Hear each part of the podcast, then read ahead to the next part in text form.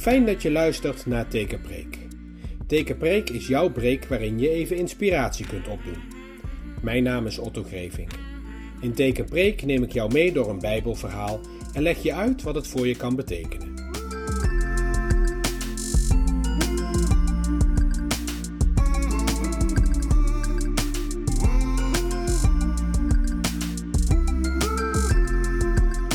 Ik lees je voor uit Lucas 19 vanaf vers 1. Jezus ging de stad Jericho binnen. Daar woonde een man die Zacchaeus heette. Zacchaeus was het hoofd van de tollenaars en hij was erg rijk. Hij wilde wel eens zien wie Jezus was, maar dat lukte niet, want Zacchaeus was klein en er stonden veel mensen om Jezus heen. Daarom rende Zacchaeus een stuk vooruit en hij klom in een boom waar Jezus voorbij zou komen. Op die manier kon hij Jezus toch zien. Toen Jezus langs de boom liep, keek hij omhoog en zei: Zacchaeus, kom snel naar beneden, want ik kom bij jou logeren. Zacchaeus kwam meteen naar beneden. Hij was blij dat Jezus met hem mee naar huis ging. Maar de mensen klaagden. Ze zeiden: Kijk nou, Jezus logeert bij een dief. Toen zei Zacchaeus tegen de Heer: Ik beloof dat ik de helft van mijn bezit aan de armen zal geven. En als ik geld van iemand afgepakt heb, dan geef ik hem vier keer zoveel terug. Toen zei Jezus: Zacchaeus, jij hoort weer bij het volk van Abraham. Jij en jouw gezin zijn vandaag gered. Want ik, de mensenzoon, ben gekomen om mensen te redden die verkeerde dingen doen.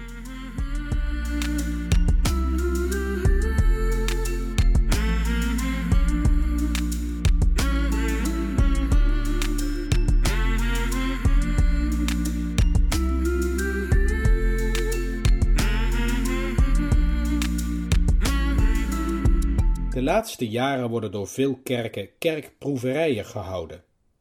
Mensen die naar de kerk komen, nodigen dan andere mensen uit, buren, kennissen, vrienden, om ook eens te komen proeven aan de kerkdienst. Maar waarom zou je naar een kerkproeverij komen? Dat heb ik me in de aanloop naar die landelijke campagne vele malen afgevraagd. Waarom zou je naar een kerkproeverij komen?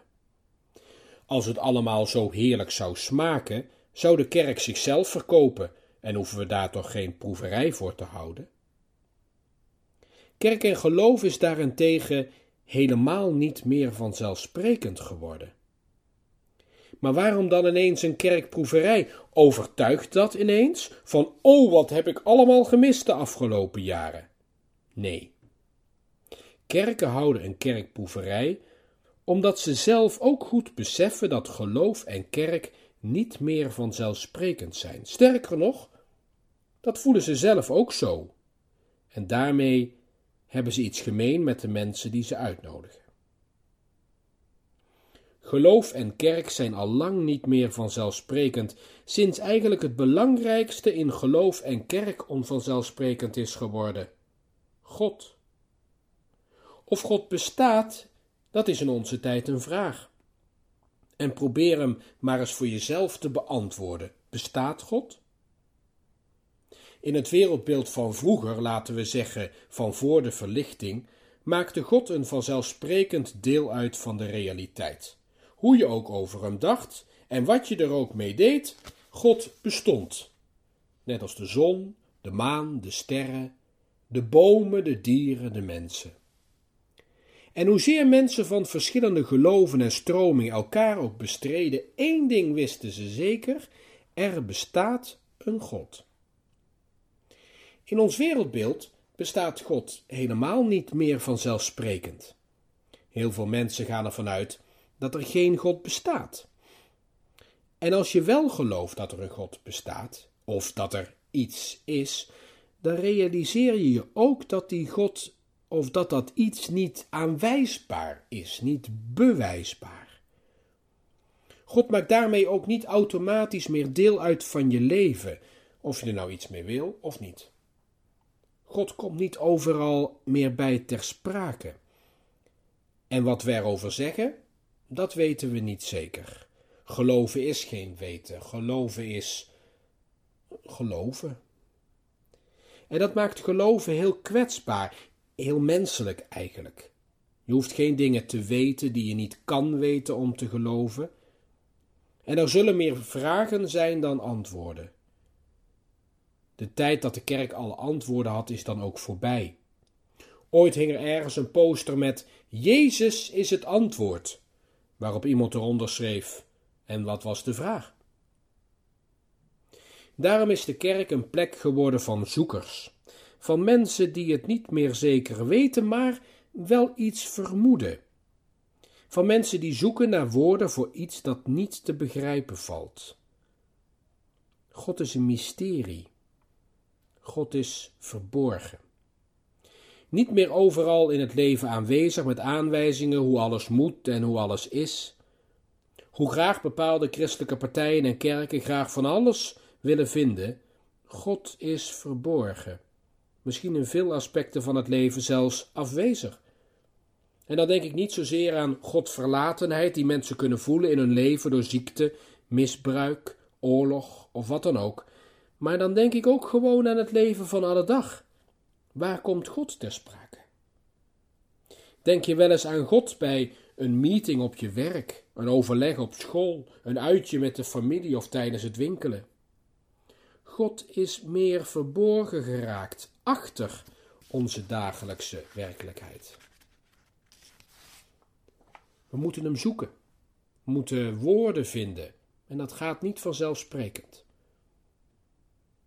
Waarom zou je dan naar de kerk komen? Als alles zo onzeker is, onduidelijk en onvanzelfsprekend. Dat vraagt Zacchaeus zich ook af. Een oppertollenaar is hij, hoofdbelastingen en bovendien erg rijk. Het type dat tegenwoordig graaier wordt genoemd, zakkenvuller. Zeer waarschijnlijk niet geheel ten onrechte. Iemand over wie genoeg gevonden wordt. Een zondaar noemden ze hem. Iemand die aan de verkeerde kant is beland van hoe mensen vinden dat je leven moet. De mensen hebben al een oordeel over hem op basis van hoe zij denken dat je moet leven, en eigenlijk zonder hem te kennen. Dus daar hoort Zacchaeus niet bij, tussen die menigte die Jezus binnenhaalt in Jericho. En als hij er zich al durfde te begeven, dan zou hij toch niks zien. Klein van stuk is hij, wat heeft hij in te brengen? Hij hoort er niet bij. Op alle manieren buitengesloten. O, vast ook door eigen toedoen, maar wie is er helemaal van onbesproken gedrag? Maar Zacchaeus laat Jezus niet zomaar aan zich voorbij gaan, hij wil hem zien. En hij kiest een boom uit langs de route. Geen balkon of plat dak, maar een boom. Daar kan hij zich namelijk verschuilen. Hij wil zich verschuilen, want hij weet ook wel dat hij tekortkomingen heeft en dat hij zijn eigen zaakjes niet op orde heeft.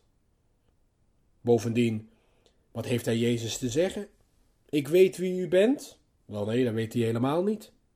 Hij heeft meer vragen dan antwoorden. Hij voelt meer afstand dan nabijheid. Tot Jezus, tot God, tot geloven, tot die hele menigte die hem zo navolgt, wat wij later kerk zijn gaan noemen. Hij voelt meer schroom dan kijk, hier ben ik.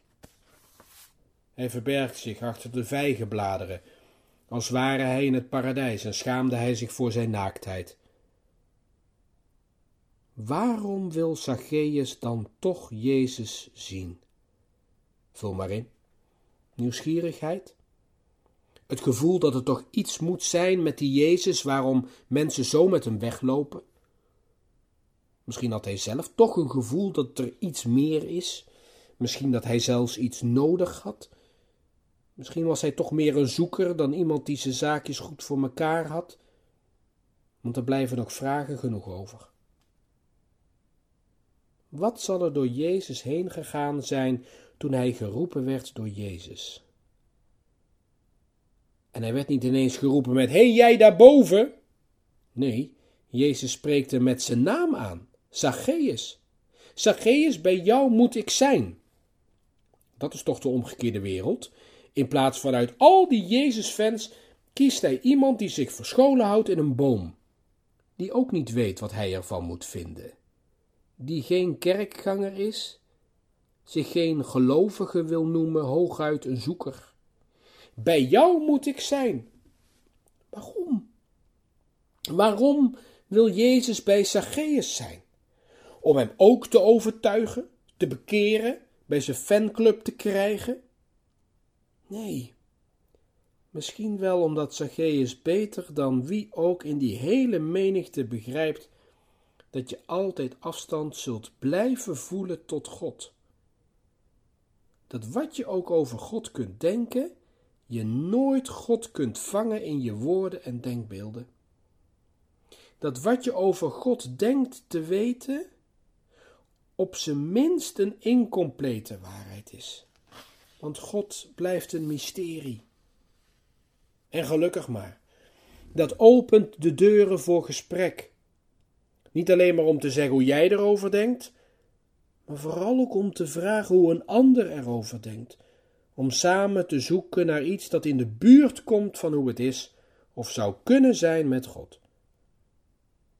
Ik ben wat dat betreft meer geïnteresseerd in jou dan in mezelf en wat ik te zeggen heb. Alleen via vragen kom je iets dichter bij het mysterie van God. Nog zo'n uitspraak die op posters heeft gestaan. Ik ben de weg, de waarheid en het leven. Een uitspraak van Jezus die heel dicht gemetseld lijkt en waarin alles lijkt te draaien om de waarheid. Maar kijk eens naar het woordje waarheid en waar dat tussen staat. Tussen weg en leven. De waarheid is altijd in beweging, omdat je ernaar moet zoeken. Elkaar moet opzoeken. Pas een dialoog, het gesprek tussen vragen en antwoorden, daar ontstaat waarheid. We begonnen met dat God en geloven niet meer vanzelfsprekend is.